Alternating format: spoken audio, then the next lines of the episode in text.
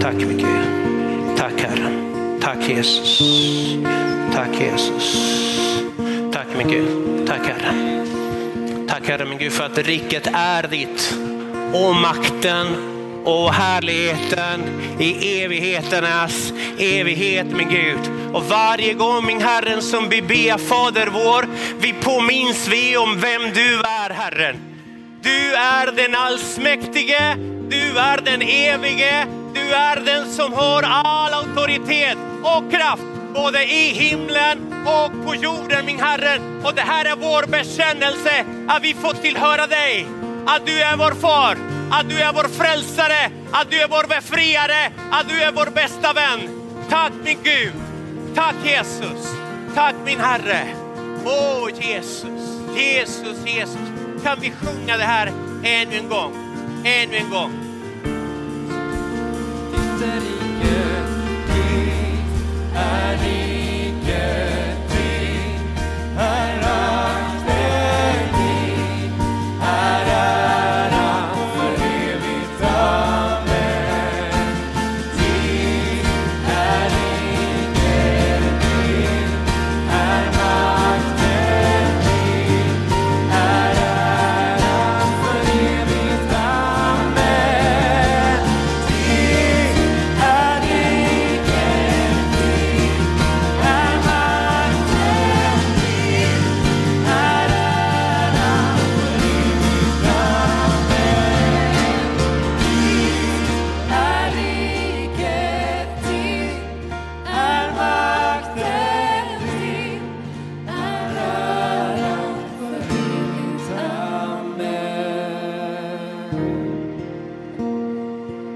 proklamation, vilken bekännelse, vilken kungörelse. Han, hans är makten, hans är eh, auktoriteten, hans är härligheten, hans är riket. Allt tillhör honom och han är min Gud. Amen. Kan vi inte ge Gud en stor applåd? Tack Jesus. Tack min Gud. Amen. Och innan du sätter dig, kan du inte bara hälsa på någon lite, krama inte för det är ganska kladdig dag, men i alla fall hälsa lite så här.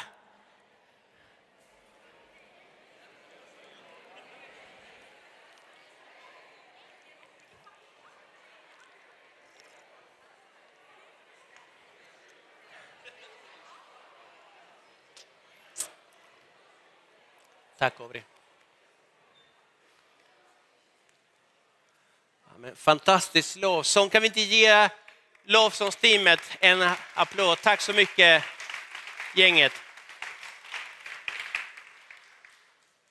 Ja. En varm dag idag. Välkomna ska ni vara till, eh, till Citykyrkan idag. Ehm, det finns någonting, en, en tanke som jag, har, ehm, som jag har fastnat för de senaste, de senaste veckorna. Eh, som jag skulle vilja prata om eh, idag. Förresten, det skulle Paul, Paulus skulle predika idag, eh, men han fick covid. Så att han är hemma och kurerar sig. Så det blir, det, det blir vi- byter så det är jag idag. Vad tänkte jag säga? Mitt namn såklart. Jorge. Jorge är mitt namn. Eh, ja, det är, eh, kommer från Argentina. Och kan du inte säga Jorge, säg något annat som låter lik. Ja. Eh, och tillsammans med Rosa har vi privilegiet att vara ledare i det här, i det här kyrkan. Eh, jag tänkte så här, jag, jag eh, ska kasta ut några påståenden, bibliska påståenden. Eh, och om du tycker att de är, stämmer och du känner, ja, det, men det här är, det här, ja det, så är det ju. Då säger du amen, så gör man i kyrkorna. Amen. Och tycker du att det här är, nej det här är helt fel, då säger du, säg ingenting, eller nämen eller något annat.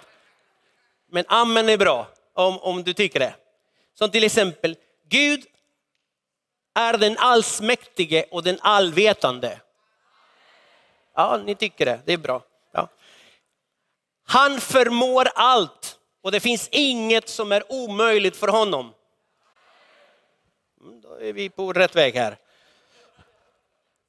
All makt är honom given, både i himlen och på jorden. Bra. Han vet allt på ett fullkomligt sätt. Han vet exakt vad han gör. Nej, men det känns bra i en kyrka att vi tror på det här.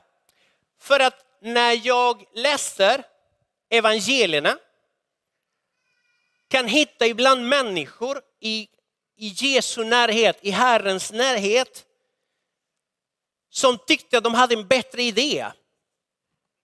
Och att saker och ting kunde göras bättre, göras annorlunda. Dessa människor kom till Jesus med, med sina tankar, med sina idéer, med sina förslag för att korrigera och tillrättavisa Jesus. Och här kommer några exempel. Ah, ah, titeln på den här predikan heter Gud, jag har en bättre idé. Petrus, ja Petrus, han, han pratar först och tänker sen, men han är som han är. Eh, vi kan läsa i Matteus evangeliet, kapitel 16, vers 21-23. Jesus visste att hans tid var nära och han vill förbereda sina lärjungar för det som komma skall i, i Jerusalem.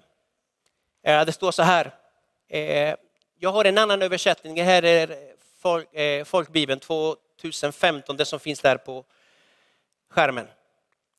Från den tiden började Jesus förklara för sina lärjungar att han måste gå till Jerusalem och lida mycket genom de äldste och överste prästerna och de skriftlära och att han måste dödas och på tredje dagen uppväckas. Då tog Petrus honom åt sidan och började motsäga honom. Korrigera honom, tillrättavisa honom. Gud är, dig, Gud är nådig mot dig, Herre. Detta ska aldrig hända dig. Men Jesus vände sig om och sa till Petrus, gå bort från mig Satan, du vill få mig på fall. Vad du tänker är inte Guds tankar utan människotankar.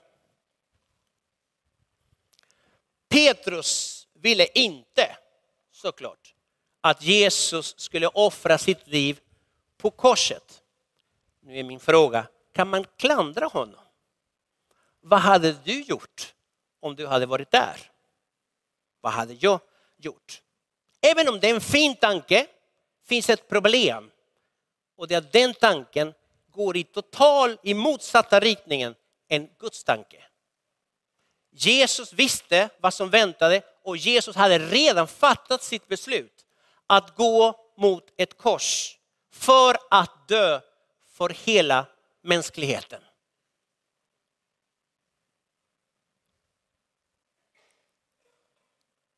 Jesus gör klar en sak för Petrus också.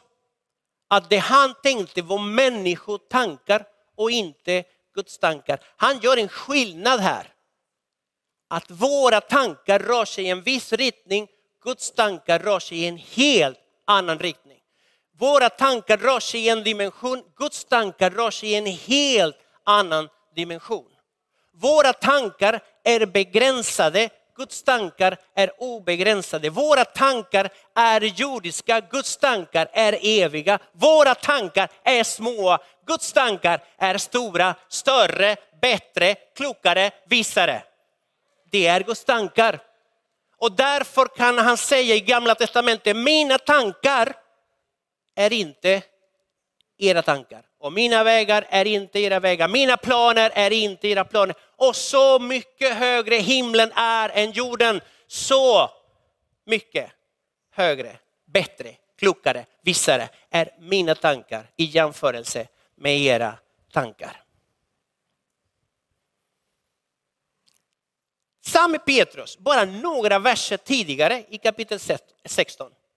Han kommer att få eloge av Jesus. Jesus kommer att säga, salig är du Petrus.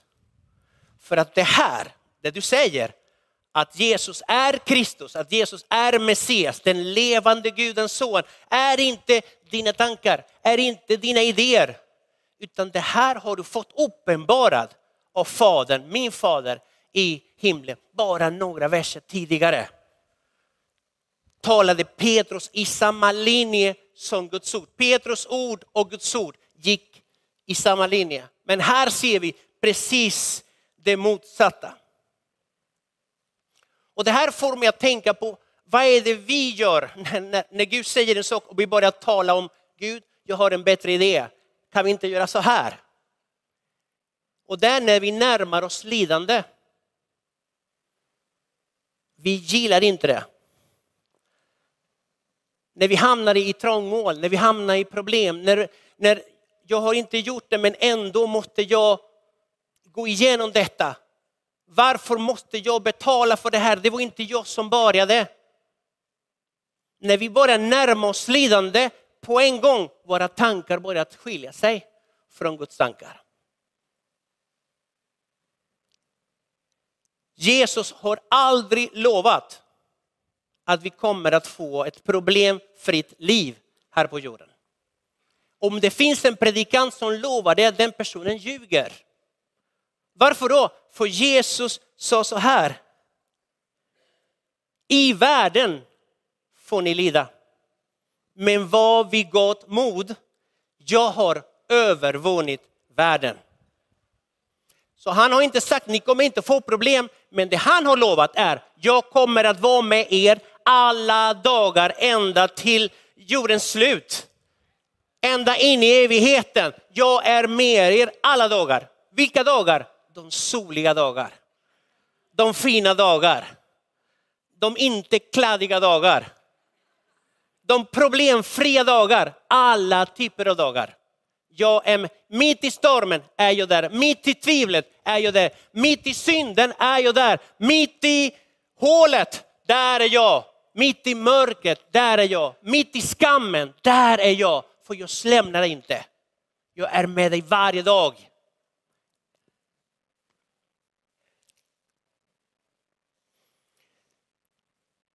Petrus, han gillade inte lidandet.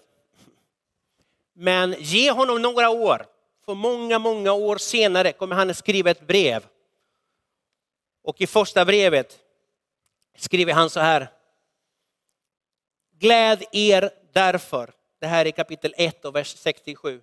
Gläd er därför om ni nu en kort tid måste utstå prövningar av olika slag. Vi kan fortsätta med Petrus. Han... Sista natten med polarna, sista natten med gänget, med lärjungarna. Dagen efter skulle han bli arresterad. Men den natten, de skulle, ni vet, de skulle fira nattvard och, och sådär. Och Jesus vill lära dem saker, attityder som man behöver i Guds rike. Och då kommer han att göra en sak som han brukade göra, göra sina lärjungar nervösa, lite så här småstressade. Han helt plötsligt började tvätta deras fötter. Och jag tänkte, wow, wow, wow, wow, stopp och belägg. Vad är det här för någonting? Och i Johannes kapitel 13, vers 5 och 6, det står så här. Sedan hällde han vatten i ett fott och började tvätta lärjungarnas fötter och torka dem med linneduken som han hade bundit om sig. När han kom till Simons Petrus sa denne till honom, Herre, ska du tvätta mina fötter? Jesus svarade, vad jag gör förstår, inte nu, förstår du inte nu, men längre fram ska du förstå det. Petrus sa, aldrig någonsin ska du tvätta mina fötter. Mm. Korrigerar Jesus, aldrig, det där gör jag inte.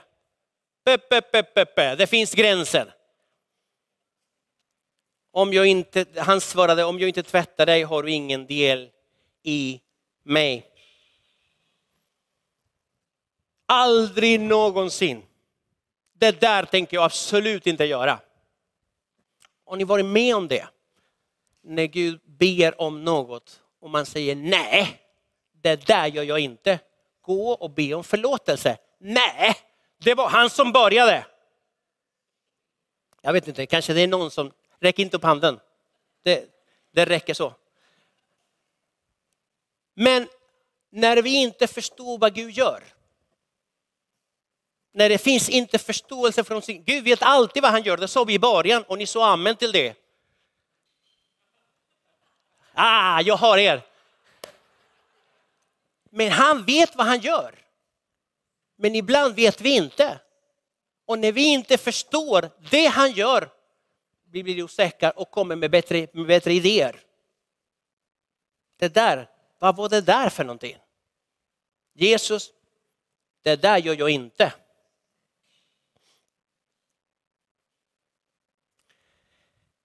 Jag tror att det är, vi måste vara försiktiga när vi försöker korrigera vår mästare, vår skapare, vår Gud. För att han vet. Och eh, i Romarbrevet, Paulus skriver det så du människa, vem är du som går till rätta med Gud? Inte kan väl det som formar säga till den som formar det, varför gjorde mig sådan? Har inte krukmakaren den rätten över leret att av samma klump göra ett kärl för hedrande användning och ett annat för mindre hedrande. Jag tror att på något sätt idag Gud vill påminna oss en sak, att även när vi inte förstår, lita på att han vet vad han gör. Johannes döparen, nummer två. Han får en tydlig uppenbarelse om vem Jesus är när han ser honom komma. Han ser så här, se Guds lam som tar bort världens synd. Han identifierar Jesus som Messias. Han är den som skrifterna skriver om. Han som skulle komma, han är här. Se Guds lam. Och när folk frågar, men är det inte du som är Messias? Nej, det är inte jag. Men det finns en som kommer efter mig.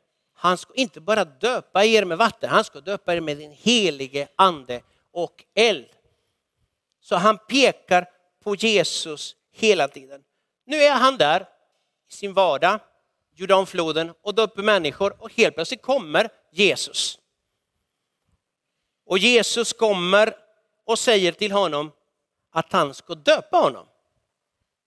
Och Johannes har synpunkter om detta. Nej, nej, nej, nej, nej, det här är, det här är inte rätt. Och det står i eh, Matteus 3 och 14. Men Johannes försökte hindra honom, försökte korrigera honom, försökte tillrättavisa honom, försökte bromsa, försökte bromsa Gud. Ja. Och så, det är jag som behöver döpas av dig och du kommer till mig. Och Jesus svarar, låt det ske nu. Så bör vi uppfylla all rättfärdighet, då lät han det ske. Det fantastiska med Jesus är att han, han är vårt föredöme när det handlar om ledarskap. Eh, ibland ser jag att många böcker som skrivs, kristna böcker skrivs, det är liksom väldigt mycket ledarskap i företag, hur man tänker i världen, hur man tänker inom politik eller något annat i organisationer. När jag tror att det enda vi behöver göra är att studera Jesu liv och lära. Han är exemplet på hur man leder. Han är inte en ledare som säger gör si, gör så och pekar med hela handen, utan han säger alltid samma sak. Gör som jag. Och han gör det först. Och genom att låta sig döpas, han säger till alla sina lärjungar, det ni, det jag gör just nu förstår ni inte, men det kommer ni att förstå längre fram.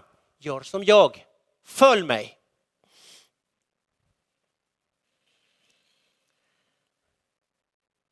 Johannes kände sig liten inför uppgiften.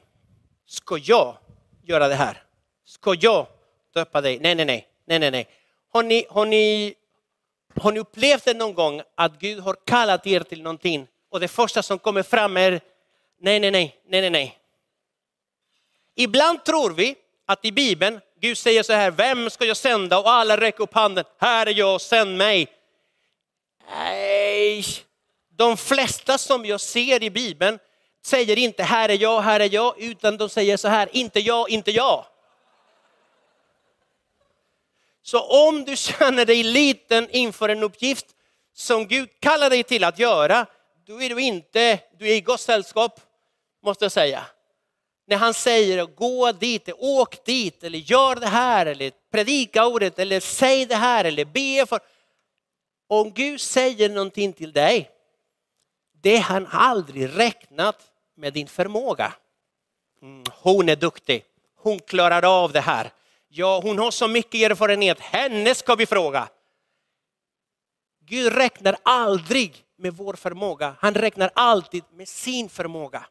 Han räknar aldrig med vår erfarenhet, han räknar med sin erfarenhet. Han räknar aldrig med vår kraft, han räknar med sin egen erfarenhet. Det är så om Gud, han kallar oss aldrig att göra någonting om han är inte med i ekvationen.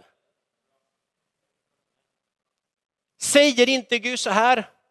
Inte genom styrka, inte genom kraft, utan genom min ande, säger Herren Sebaot. Det bästa vi kan göra det är att säga ja. Här är jag. Använd mig och låt din kraft manifesteras genom mig. Det är vad vi kan göra. Det var Johannes. Nu ska vi ta Marta för att vi ska vara, kvinnor också ska vara med här. Marta, Maria och Lazarus, vilken trio. De bodde i Betania som ligger ungefär tre kilometer öster om Jerusalem från eh, Oliv, Olivberget på andra sidan. Ja, då vet du. Och, och det, var, det var ett hus som Jesus kände väl. Det här trion, Jesus kände väl för varje gång han kom till Jerusalem, han såg hos dem. Och eh, de här systrarna, Maria och Marta, de, hade, de var väldigt olika. Eh, Mart, eh, Maria var mer känslig, kontemplativ. Marta var mer handlingskraftig, hon var mer pragmatisk, hon var mer en doer, vi gör det. Lite så. Eh, och Jesus kommer på besök och Maria sätter sig vid fötter, vid, vid Jesu fötter och lyssnar på vad Jesus hade att säga. Marta på en gång, börja städa, börja fixa, maten ska göras, liksom så här. Eh, och då kommer det intressanta, Lukas 10.38 och framåt. Medan de var på väg gick Jesus in i en by där en kvinna som hette Marta tog emot honom i sitt hem. Hon hade en syster, Maria, som satte sig vid Herrens fötter och lyssnade till hans ord. Marta däremot var helt upptagen med allt som skulle ställas i ordning. Och nu blev Martan lack, alltså nu blev Martan irriterad. Och i början, jag tror att hon blir irriterad på Maria, men nu är hon irriterad på Jesus också. För att i vers 40, i slutet av vers 40 står så här. Och hon gick fram och sa, Herre, det är fint att hon börjar så. Herre, bryr du dig inte om att min syster har lämnat mig ensam med att sköta allting? Säg nu, det är fint när vi säger till Gud vad han ska göra. Säg nu till henne att hon hjälper mig. Ser du inte? Ser du inte vad hon gör eller hon inte gör? Ser du inte? Varför gör du ingenting Gud? Eh, Jesus svarar Marta med mycket kärlek. Marta, Marta. Det är inte Marta, Marta.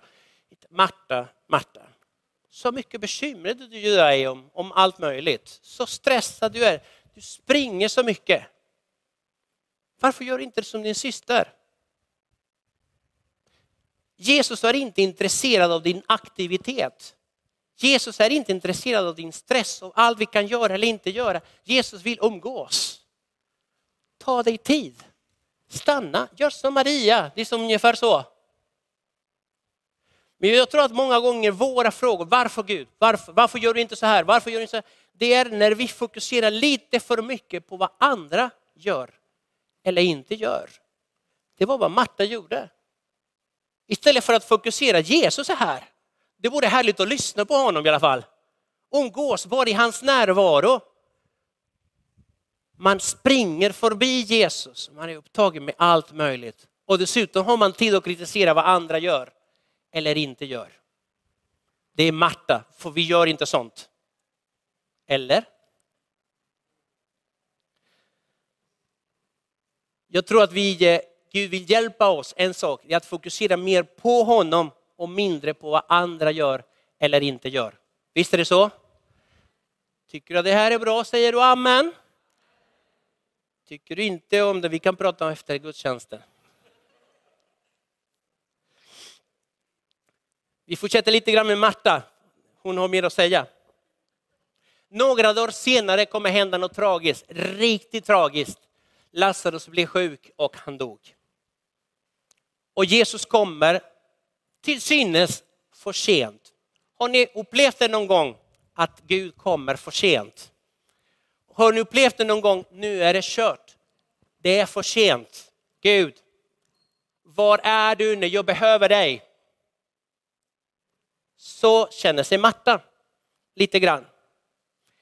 Och alla sätter i den här hopplösa situationen, alla sätter en punkt.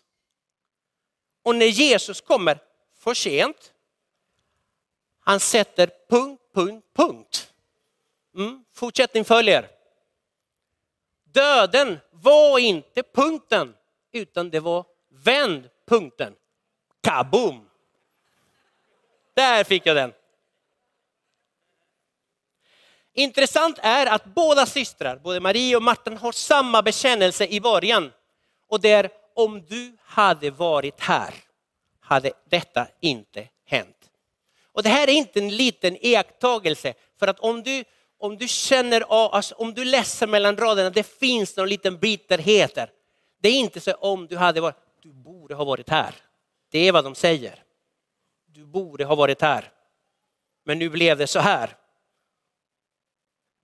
Hur många gånger när vi går igenom kriser kommer vi i sådana frågor. Var är du Gud? Varför griper du inte in? Var är du när jag lider? Var är du? Ser du inte min situation? Det intressanta med Marta, för nu vill jag lyfta Marta, det är att hon stannar inte med du borde ha varit här eller om du hade varit här, utan hon säger i kapitel 11, Johannes kapitel 11 och vers 20 någonting. Kapitel 11, vers 22. Men, hon kommer med ett men. Ja, om du hade varit här, då hade inte detta hänt. Men, men nu vet jag att Gud kommer att ge dig vad du än ber honom om. Hans, hennes bekännelse stannade inte med ett klagomål. Men jag vet min Gud att du är den allsmäktige, att du är den allsvetande, att all makt är dig given både i himlen och på jorden, att du förmår allt och att ingenting är omöjligt för dig. Så när alla andra satte en punkt, när Jesus sätter tre punkter, Marta sätter inte punkt, hon sätter kommatecken. Det finns mer. Hon stoppade Gud in i den situationen och vi vet vad som händer. Lazarus kom tillbaka till livet.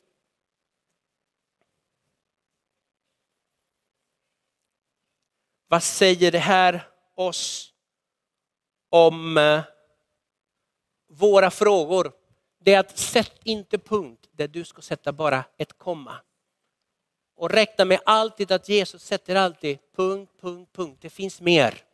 Låt mig komma in i den här situationen. Han förmår allt. Punkt nummer fyra. Då tror jag vi bara avsluta här. Emausvandrarna. Två lärjungar är på väg bort från Jerusalem. Kommer du ihåg det sista Jesus säger till dem? Stanna i Jerusalem de befinner sig inte där, där de skulle vara, utan de är på väg någon annanstans. Och när de går där, de samtalar med varandra. Och ni kan tänka, era samtalen var inte så uppmuntrande och piggande, utan det är mer, åh, han som vi trodde var Messias, nu är han död, nu är det slut. Vi har satsat hur länge som helst på det här och det blev inget av det. Och då kommer Jesus in. Vad pratar ni om? Vad snackar ni om? Och det intressanta är svaret. Är svaret. Kleopas är den som svarar i Lukas 24 och 18.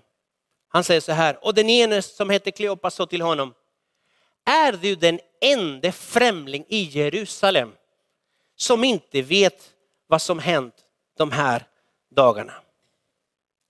Den levande Jesus dyker upp i deras berättelse för att förändra deras berättelse.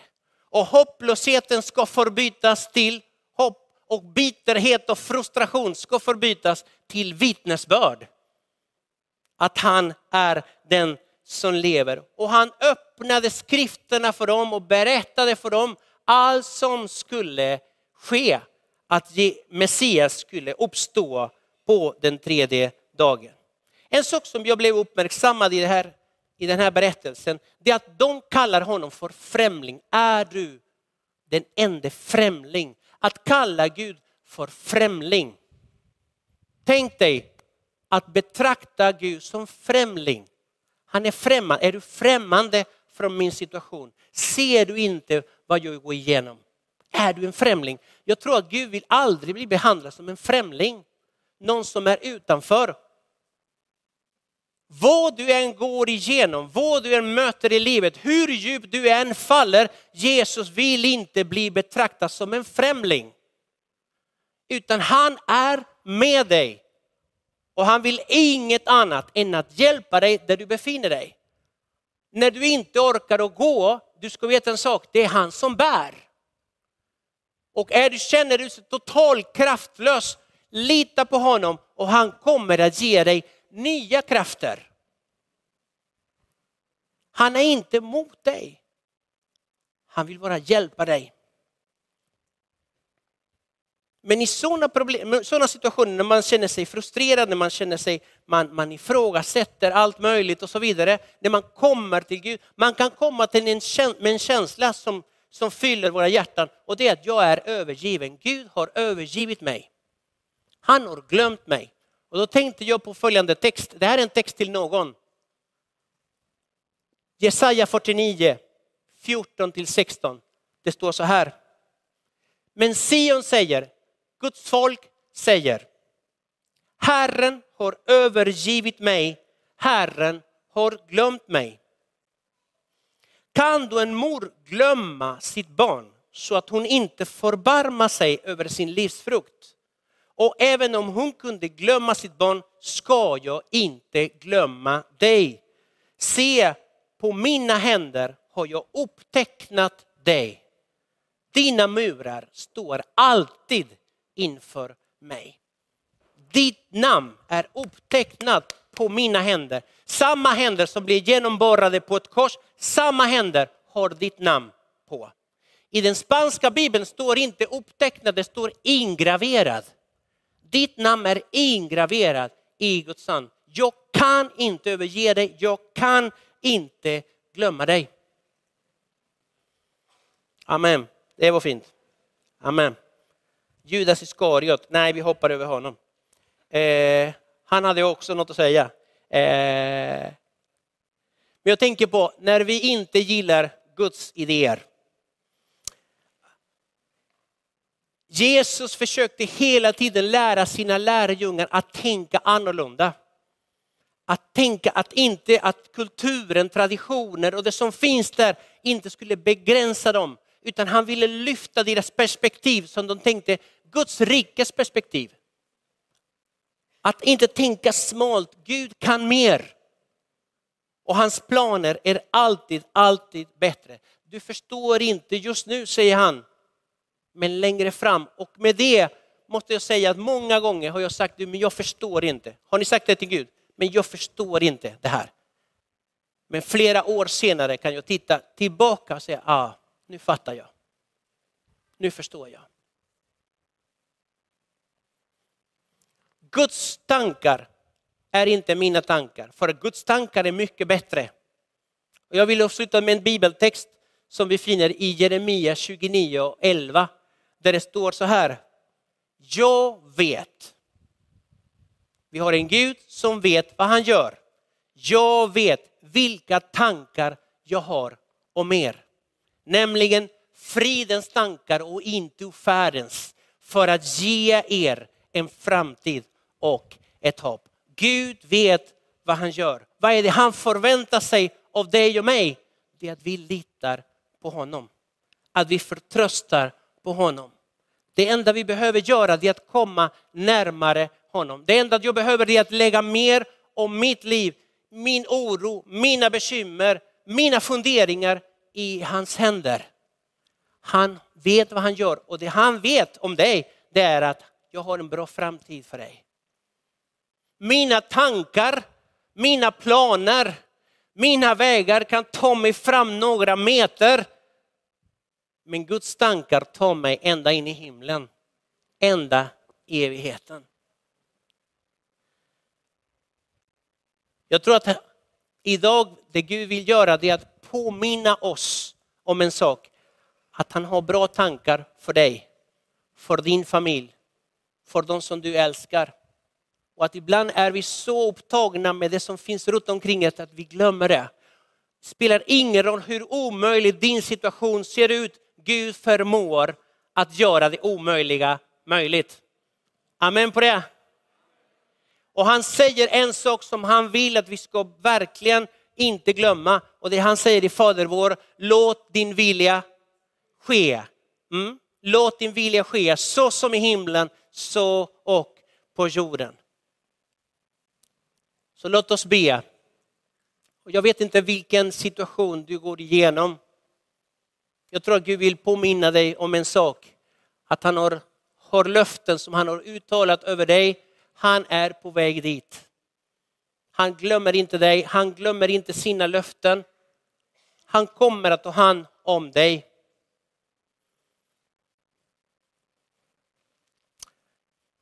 Herre Jesus, nu i början av den här terminen. Hjälp oss min Gud att i under den här terminen att vi kommer lite närmare dig. Att vi förtröstar och litar på dig lite mer min Gud. Hjälp oss att vara mindre ifrågasättande.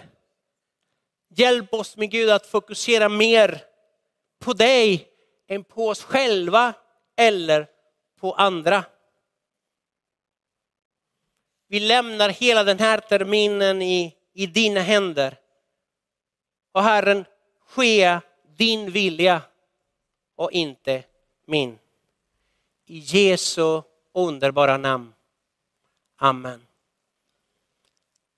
Bara något litet som jag ville säga till, speciellt till någon att om du är, om du är här, om du känner att ja, jag har styrt mitt liv i många år och det har inte gått så bra. Det kanske är dags att låta Gud ta hand om ditt liv. Och det var precis vi, vi pratar om i kyrkan, att vi pratar om frälsning. Frälsning handlar aldrig om att bli perfekt. Frälsning handlar aldrig om att kunna sin bibel utan till. Frälsning handlar om en enda sak, det är att lämna sitt liv i Jesu händer. Så om du vill idag, om du vill idag lämna hela ditt liv i Herrens händer. Ta emot Jesus som din frälsare och Herren. Jag kan inte lova dig att du kommer att inte få problem, men jag kan lova dig en sak. Han kommer att vara med dig alla dagar intill tidens ände. Amen.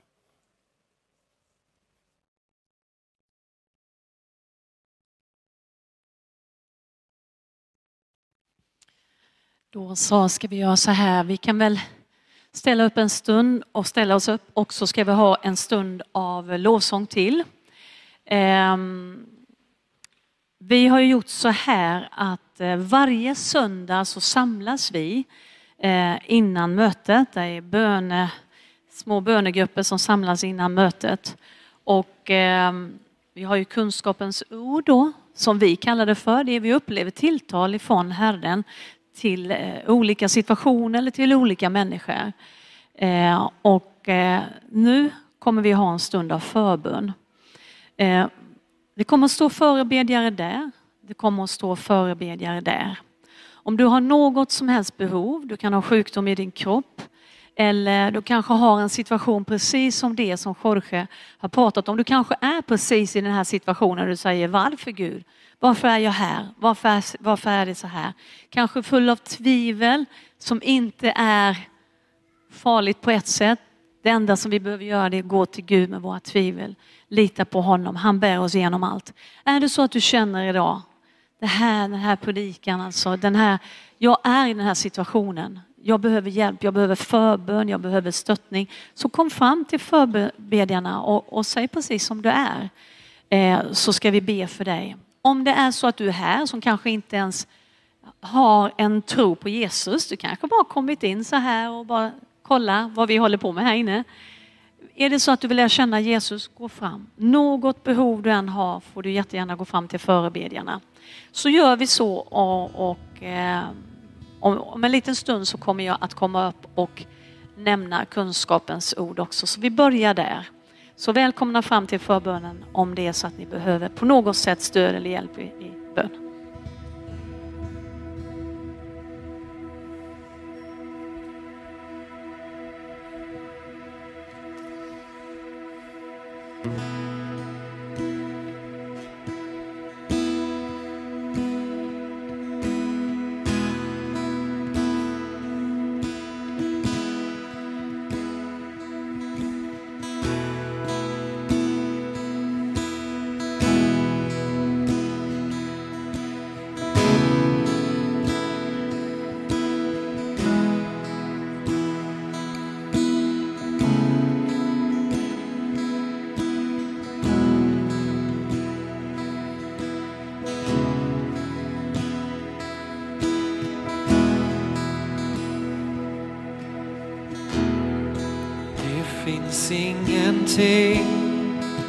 Kan mätas med dig.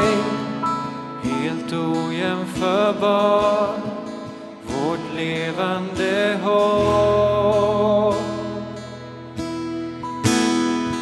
Din närhet Gud.